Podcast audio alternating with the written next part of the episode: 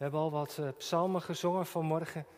En we gaan nu ook uit het boek van de psalmen lezen. Een psalm die ook heel vaak gezongen wordt. Ook weer zo'n gewoonte, traditie in een doopdienst. Ik dacht, het is wel eens een keer mooi om bij zo'n psalm ook stil te staan. Psalm 105, we lezen het begin en de laatste paar versen. Loflied, lofzang op de trouw van de Heere staat er boven. Het boek van de psalmen, psalm 105. Loof de Heer, roep zijn naam aan, maak zijn daden bekend onder de volken. Zing voor hem, zing psalmen voor hem, spreek aandachtig van al zijn wonderen. Beroem u in zijn heilige naam. Laat het hart van wie de Heere zoeken zich verblijden. Vraag naar de Heere en zijn kracht, zoek zijn aangezicht voortdurend. Denk aan de wonderen die hij heeft gedaan, aan zijn tekenen, de oordelen van zijn mond, nakomelingen van Abraham, zijn dienaren. Kinderen van Jacob zijn uitverkorenen. Hij is de Heere, onze God. Zijn oordelen gaan over heel de aarde. Hij denkt aan zijn verbond voor eeuwig, aan de belofte die hij gedaan heeft. Tot in duizend generatie, aan het verbond dat hij met Abraham gesloten heeft, zijn eed aan Isaac. Voor Jacob heeft hij het vastgesteld als een verordening, voor Israël als een eeuwig verbond door te zeggen: Ik zal u het land Canaan geven, het gebied dat uw erfelijk bezit, was, bezit is. Toen zij met weinig mensen waren, ja met weinig en vreemdelingen daarin, en zij van volk naar volk zwierven, van het ene koninkrijk naar het andere volk, liet hij geen mens toe hen te onderdrukken. Ook bestrafte hij koning omwille van hen en zei: Raak mijn gezalfde niet aan, doe mijn profeten geen kwaad. En dan vindt er een soort verslag van de geschiedenis van het volk Israël als het naar Egypte gaat, als het door God bevrijd wordt. En dan lezen we aan het slot van de psalm, vers 42. Want dit alles deed God, want hij dacht aan zijn heilig woord, aan Abraham zijn dienaar. Zo leidde hij zijn volk uit met vreugde, zijn uitverkorenen met gejaag. Hij gaf hun de landen van de heinevolken, ze namen dat in bezit, waarvoor de volkeren hadden gezwoegd opdat, hij zich aan zijn opdat zij zich aan zijn verordeningen zouden houden, zijn wetten in acht zouden nemen. Halleluja. Zo eindigt deze psalm. En het thema voor de preek van vanmorgen is deze: als God een vraag is. Gemeente van Christus, gasten, u die thuis met ons verbonden bent. Als er één vraag is die mensen al eeuwenlang stellen, dan is dat de vraag naar het bestaan van God. Bestaat God? Kan ik Hem kennen? En als Hij bestaat, wie is Hij dan? Vragen die voor veel mensen echte levensvragen zijn. Bestaat God? En atheïst zal antwoorden van niet. Agnost zal die vraag ontkennend beantwoorden. Maar toch hebben mensen de loop van de tijden met deze vraag geworsteld. En dat is ook niet zo verwonderlijk, denk ik, omdat wij mensen, tenminste dat geloven wij, naar het beeld van God zijn geschapen. Of we nu wel of niet gelovig geworden zijn, diep in ons zit een soort van godsbesef. Een besef dat er meer moet zijn tussen hemel en aarde, dat het met de dood niet is afgelopen. Hoeveel mensen, dat merk je in situaties van, van overlijden, hoeveel mensen rekenen niet met het voortbestaan na de dood ook als ze niet gelovig zijn. Prediker uit de Bijbel zegt dat wij mensen geschapen zijn door God met de eeuwigheid in ons hart. Maar goed, dat beseft, dat kan ook onder druk komen te staan als je intellectuele bezwaren of vragen hebt, die er als het ware van weerhouden om echt gelovig te zijn. Maar heel vaak, en dat herkennen we denk ik wel, ontstaat die twijfel aan het bestaan van God als er iets in ons leven gebeurt dat moeilijk is, als lijden ons treft, ziekte, tegenslag, een relatie die verbroken wordt. En dan, en dan komen de vragen. Waarom moet mij dit nou overkomen, hoor ik iemand zeggen. Als God bestaat, waarom grijpt Hij dan niet in? Als God bestaat, waarom is er dan zo'n naar virus? Waarom is er zoveel ellende in deze wereld? Vragen, laten we eerlijk zijn, die ons allemaal niet vreemd zijn. Geloven, dat is het mooiste wat je kunt overkomen. Je gunt het iedereen. Maar geloven is niet gemakkelijk. Vragen gaan soms levenslang met je mee, als God een vraag is.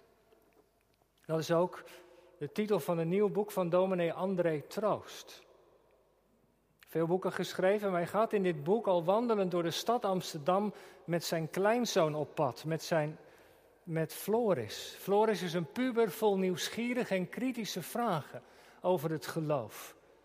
En al wandelend praten ze daarover. In het boek is dit een weerslag van die gesprekken. Hij zoekt naar antwoorden, of zoals hij het zelf zegt, naar handwoorden. Als God een vraag is. En waarom deze inleiding bij de preek?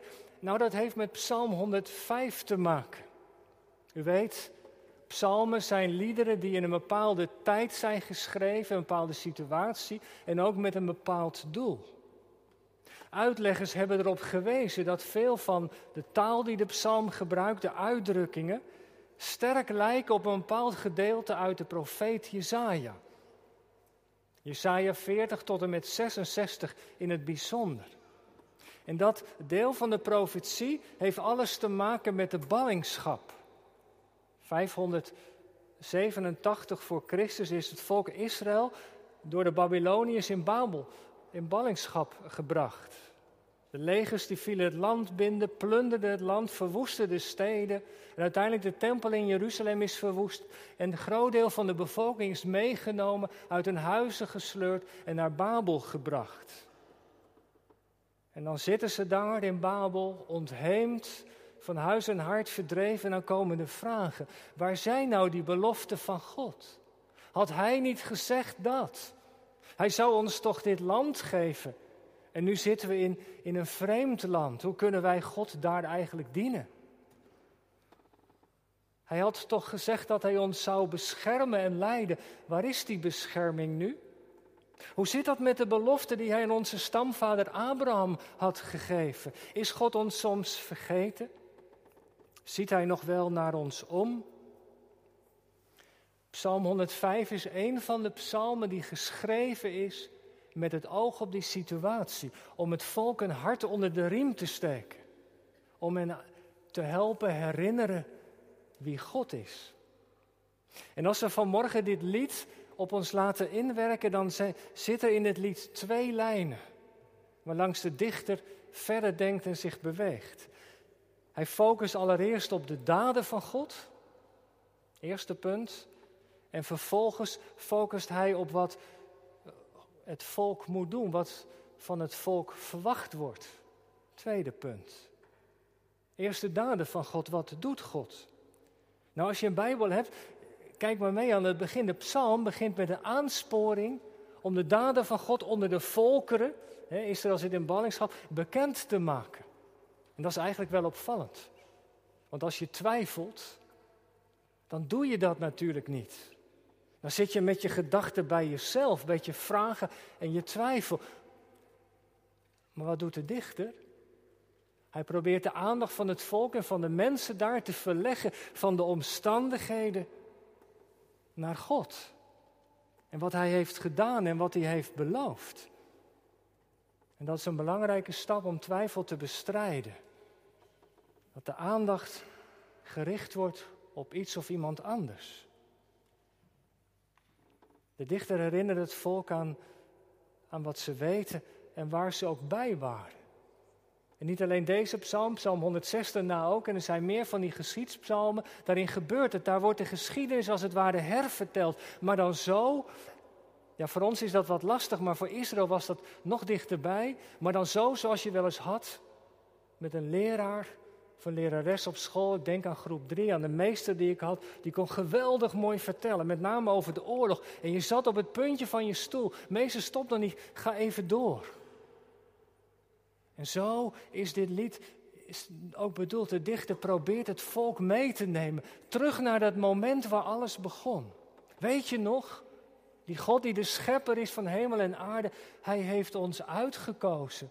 Hij heeft met onze stamvader een verbond aangegaan. Hij beloofde ons een stukje land te geven, weet je het nog? En daar konden wij in vrijheid wonen. Hij leidde ons door de woestijn, door de hongersnood kwamen in Egypte. Hij was ook daarbij. En toen, toen de verdrukking hevig werd, toen, toen kwam hij ons te hulp. Stuurde Mozes en Mozes bracht ons uit Egypte naar het beloofde land. En onderweg was een manna uit de hemel het brood, was water, kwakkels, vlees. Met andere woorden, de dichter probeert de blik van het volk te richten op de geschiedenis, op wat God heeft gedaan. Maar zal zoiets helpen? Misschien niet voor iedereen, maar het is wel belangrijk. Ik moest tijdens de voorbereiding van de preek denken aan dit oude lied, liedje Tel uw zegeningen één voor één. Misschien ken je het nog wel van vroeger. Tel ze alle en vergeet er geen. Tel ze alle, noem ze één voor één. En dan zegt het liedje, en ge ziet Gods liefde daar doorheen. Dat kan dus gebeuren. Als je teruggaat naar het verleden, naar de dingen die je hebt meegemaakt, je levensgang, dat je daarin de hand van God ziet, iets van zijn liefde proeft. Niet altijd, maar, maar dat kan zomaar ook gebeuren. We zitten hier in de kerk, we kijken thuis mee, maar dat je terugkijkt naar je leven, dat je zegt, eigenlijk ben ik wel een bevoorrecht mens. Ik mag er zijn met mijn gaven en talenten. Mijn leven was niet altijd gemakkelijk, maar, maar ja, ik heb van mijn ouders ook veel meegekregen. Ik heb van God een gelovige partner ontvangen. Een huwelijk of een jubileum, dat zijn dan van die hoogtepunten in je leven als je terugkijkt. Wat bijzonder dat ik dit allemaal mee heb mogen maken, dominee, zei iemand eens tegen me. En dan niet te vergeten natuurlijk de geboorte van een kind, jullie zoon of dochter, de adoptie. Ook zo'n moment dat je verwonderd bent. Of je nu wel of niet gelovig bent, als je de geboortekaartjes bekijkt, zit allemaal iets in van dankbaarheid, van verwondering. Waarom zou je daarin de hand van God niet kunnen zien? Kijk, zegt de dichter, zo is het. Zo is God betrokken op jullie leven. Hij zegt het tegen het volk, we luisteren mee. Hij heeft je lief, hij ging een verbond aan, lang geleden, maar, maar er was al die momenten was hij erbij. Hij zorgde voor je, hij beschermde je, het was ook niet gemakkelijk. Israël ging achter afgoden aan. Dat liep bij God weg. Dan moest hij het weer terughalen. Pijnlijke momenten waren er ook. Maar dwars door alles heen was daar de rode draad van de trouw van God. Met andere woorden, tel je zegeningen. En je ziet Gods liefde er doorheen.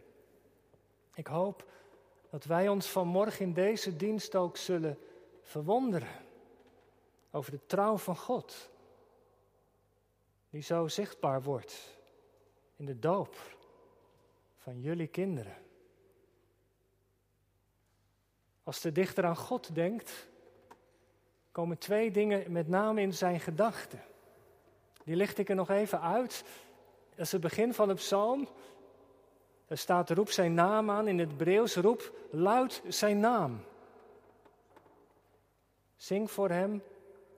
En vers 2, spreekt hij ook nog beroem u in zijn heilige naam. De dichter is er verwonderd over dat God in de geschiedenis heeft gehandeld, maar vooral dat God een naam heeft. Een naam. En die naam staat voor wie hij is. Dat lied, wat ook in een van jullie doopbrieven weer terugkwam. Die naam, ik zal er zijn. Ik ben erbij.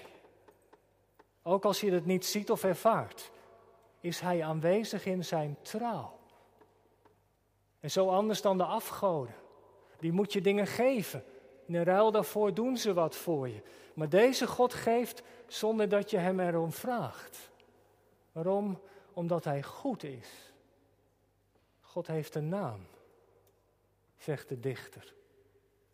En vanmorgen verbindt deze God zijn naam aan de naam van ons en onze kinderen.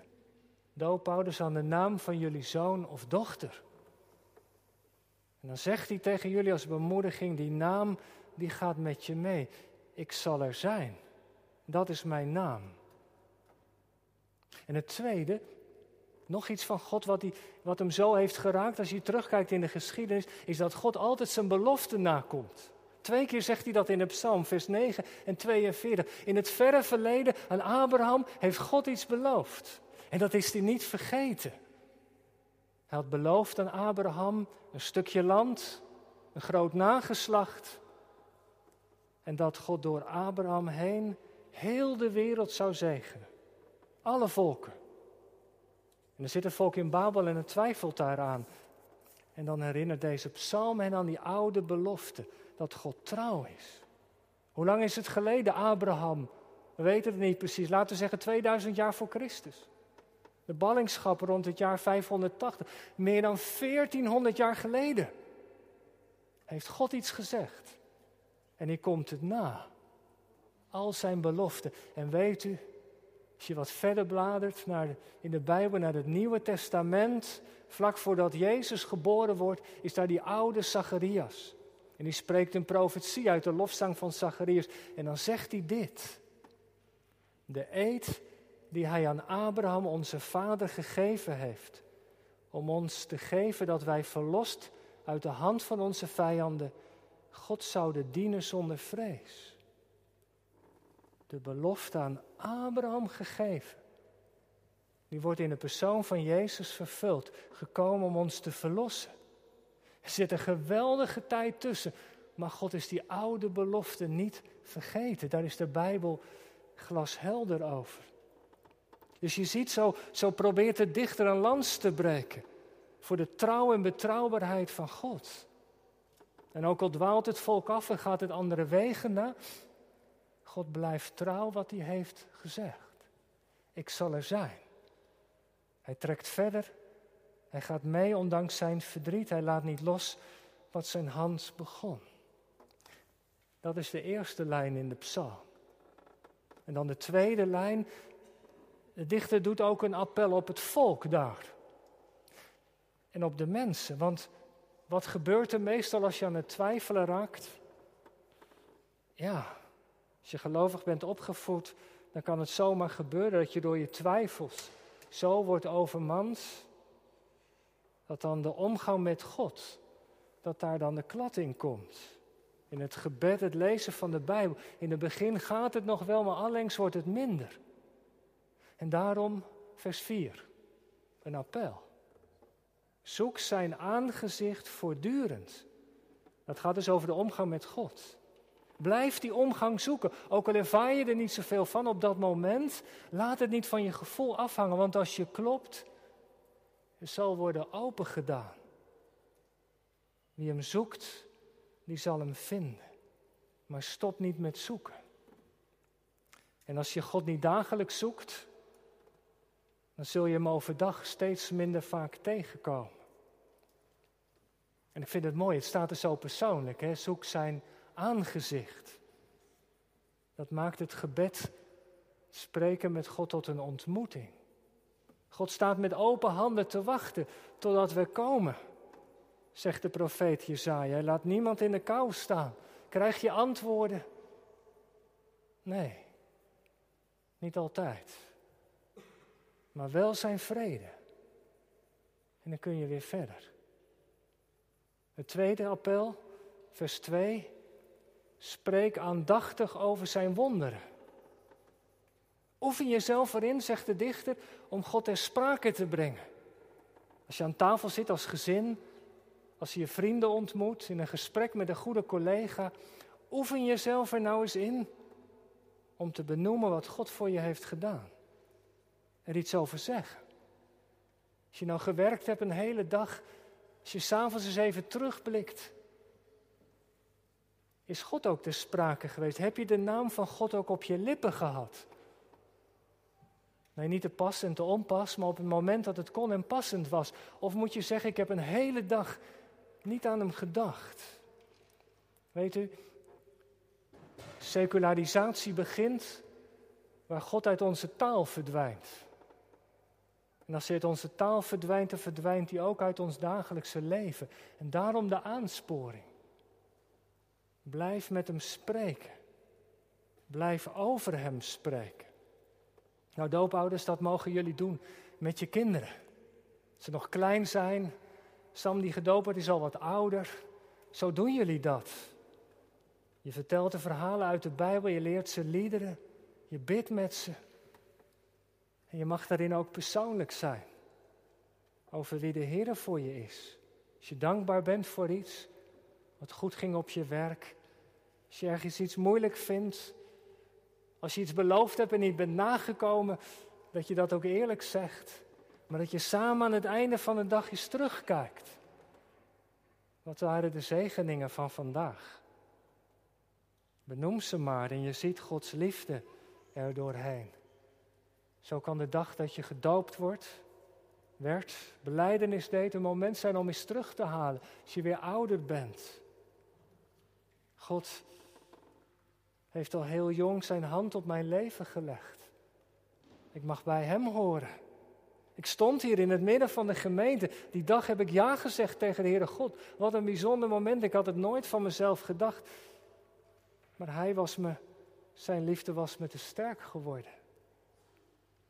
Spreek aandachtig.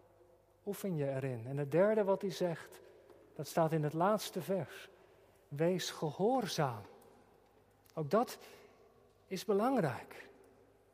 Geloof heeft met gehoorzaamheid te maken. Bonhoeffer zei, de gehoorzame geloofde gelovige gehoorzaamt. Als je van iemand houdt, nou ja, dat, dat weten we. Dan wil je die ander naar zijn zin maken. Dan ga je geen dingen doen die de ander niet fijn vindt. Als God iets van ons vraagt, dan verlangt Hij ernaar dat we naar Hem luisteren. En zo zijn die geboden, we hebben ze gelezen ook bedoeld, dat zijn als het ware de piketpaaltjes die hij heeft geplaatst en naar binnen is de weg. En dan zullen we niet verdwalen. En juist als je twijfelt is het belangrijk om aan die geboden te blijven vasthouden, want God zal zich laten vinden in die weg. Maar als we afdwalen, dan is het zo moeilijk om hem weer te vinden. Het is alsof de dichter zegt, ook al twijfel je, blijf nou daar in Babel gehoorzaam. Laat de geboden van God over de dag, de rustdag, over tijd, over geld, relaties, over wat je zegt en hoe je met anderen omgaat. Laat die geboden niet links liggen. Verlies die geboden niet uit het, uit het oog. Want dan blijf je op het goede spoor. God zegent gehoorzaamheid. En zo voorkom je dat je afdwaalt, dat je minder van God gaat ervaren. Twijfel kun je dus bestrijden, zegt de dichter, door volharding. Door trouw. Is dat makkelijk? Nee, natuurlijk niet. Ik vind dat alleen moeilijk. Ik heb jullie. We hebben elkaar als gemeente nodig. Maar daarom zijn we ook aan elkaar geschonken. Om elkaar aan te sporen, te stimuleren. We hebben allemaal wel eens periode dat geloof ons niet zoveel zegt over twijfels. Maar gelukkig is er op de kringen iemand die zo vol is van de Heer Jezus en daar knap ik weer van op. Kan zomaar gebeuren. Laten we elkaar in deze moeilijke coronatijd vast blijven houden. Gemeente, ik ga afronden. Het lied legt de focus op de daden van God. En dat doet een appel op het volk. Maar er is één ding wat niet onvermeld mag blijven. Weet u, er is in dit lied een royaliteit van de genade van God. Hij denkt bij zijn verbond, vers 8, aan wel duizend generaties. Er zit een geweldige overvloed in. Het is alsof de dichter wil zeggen: God is schepper. Hij wil een vader zijn van een menigte van volken. Al die volken die van huis uit niet deze God kenden, ze mogen er ook bij horen. Ingelijfd bij het verbond. Hoe kan dat? Dat zegt Psalm 105 nog niet. Dat kan omdat God de deur van de genade heeft opengezet. In de persoon van Jezus. Even nog terug naar de psalm. Die moeilijke situatie van Egypte, wat deed God? Vers 17, hij zond Jozef. Later, toen het volk verdrukt werd, toen zond hij Mozes om het volk te bevrijden. En diezelfde beweging is God verder gegaan. Toen daar in de eerste eeuw er geen hoop meer was. En de mensen God waren kwijtgeraakt. Toen heeft hij Jezus gezonden. In diezelfde beweging. Ten laatste zond hij zijn zoon. Om als de Messias de zonde van Israël te verzoenen. Maar Gods oog was ook gericht op de andere volkeren. Hij is gekomen als een redder van de wereld. Was dat nodig dan? Ja, want wat is het probleem van ons mensen? Iemand zegt, ja, dat is natuurlijk de zonde. Je bent opgevoed met het geloof. Maar wat is zonde dan? Ik zou het zo willen zeggen, zonde is dat we ons door deze goede God niet laten gezeggen. Dat is het virus waar we allemaal mee besmet zijn, dat we ons door Hem niet laten gezeggen. Maar God kwam in beweging, Hij zond Zijn Zoon. Het Evangelie vertelt dat Hij stierf op Golgotha. Hij deed daar verzoening voor de zonde. Die, die geest van rebellie, die is daarmee gebroken. En omdat Hij dat deed, omdat Hij zijn leven gaf, is de genade van God beschikbaar. Dankzij Jezus kunnen wij vanmorgen dopen. En die doop, dat water, dat moet rijk vloeien, want daar zit iets van de overvloed, van de genade van God is in. Als God een vraag is voor je, kijk dan eens naar de doop. Wat is de doop? Dat is niets anders dan de omarming van God. Laat je doorraken vanmorgen. Jazeker, die omarming vraagt ook om een antwoord van ons. Laten wij ons door deze God omarmen en beminnen. Mag Hij het voor het zeggen hebben in ons leven? Dat is de uitnodiging, dat is de aansporing. En ik hoop dat wij ons voor het eerst of opnieuw aan deze God gewonnen geven. Het verbond vraagt om een antwoord van geloof. Geloof, wat is dat? Heer, ik heb het niet verdiend, maar u bent mij te sterk geworden. Zo eenvoudig. Ik bid dat het zo bij u en jou zal zijn vanmorgen. En dat je met mij meezegt. Loof de Heere mijn ziel. En vergeet niet één van zijn weldaden. Want ik zie zijn liefde. Dwars door alles heen. Amen.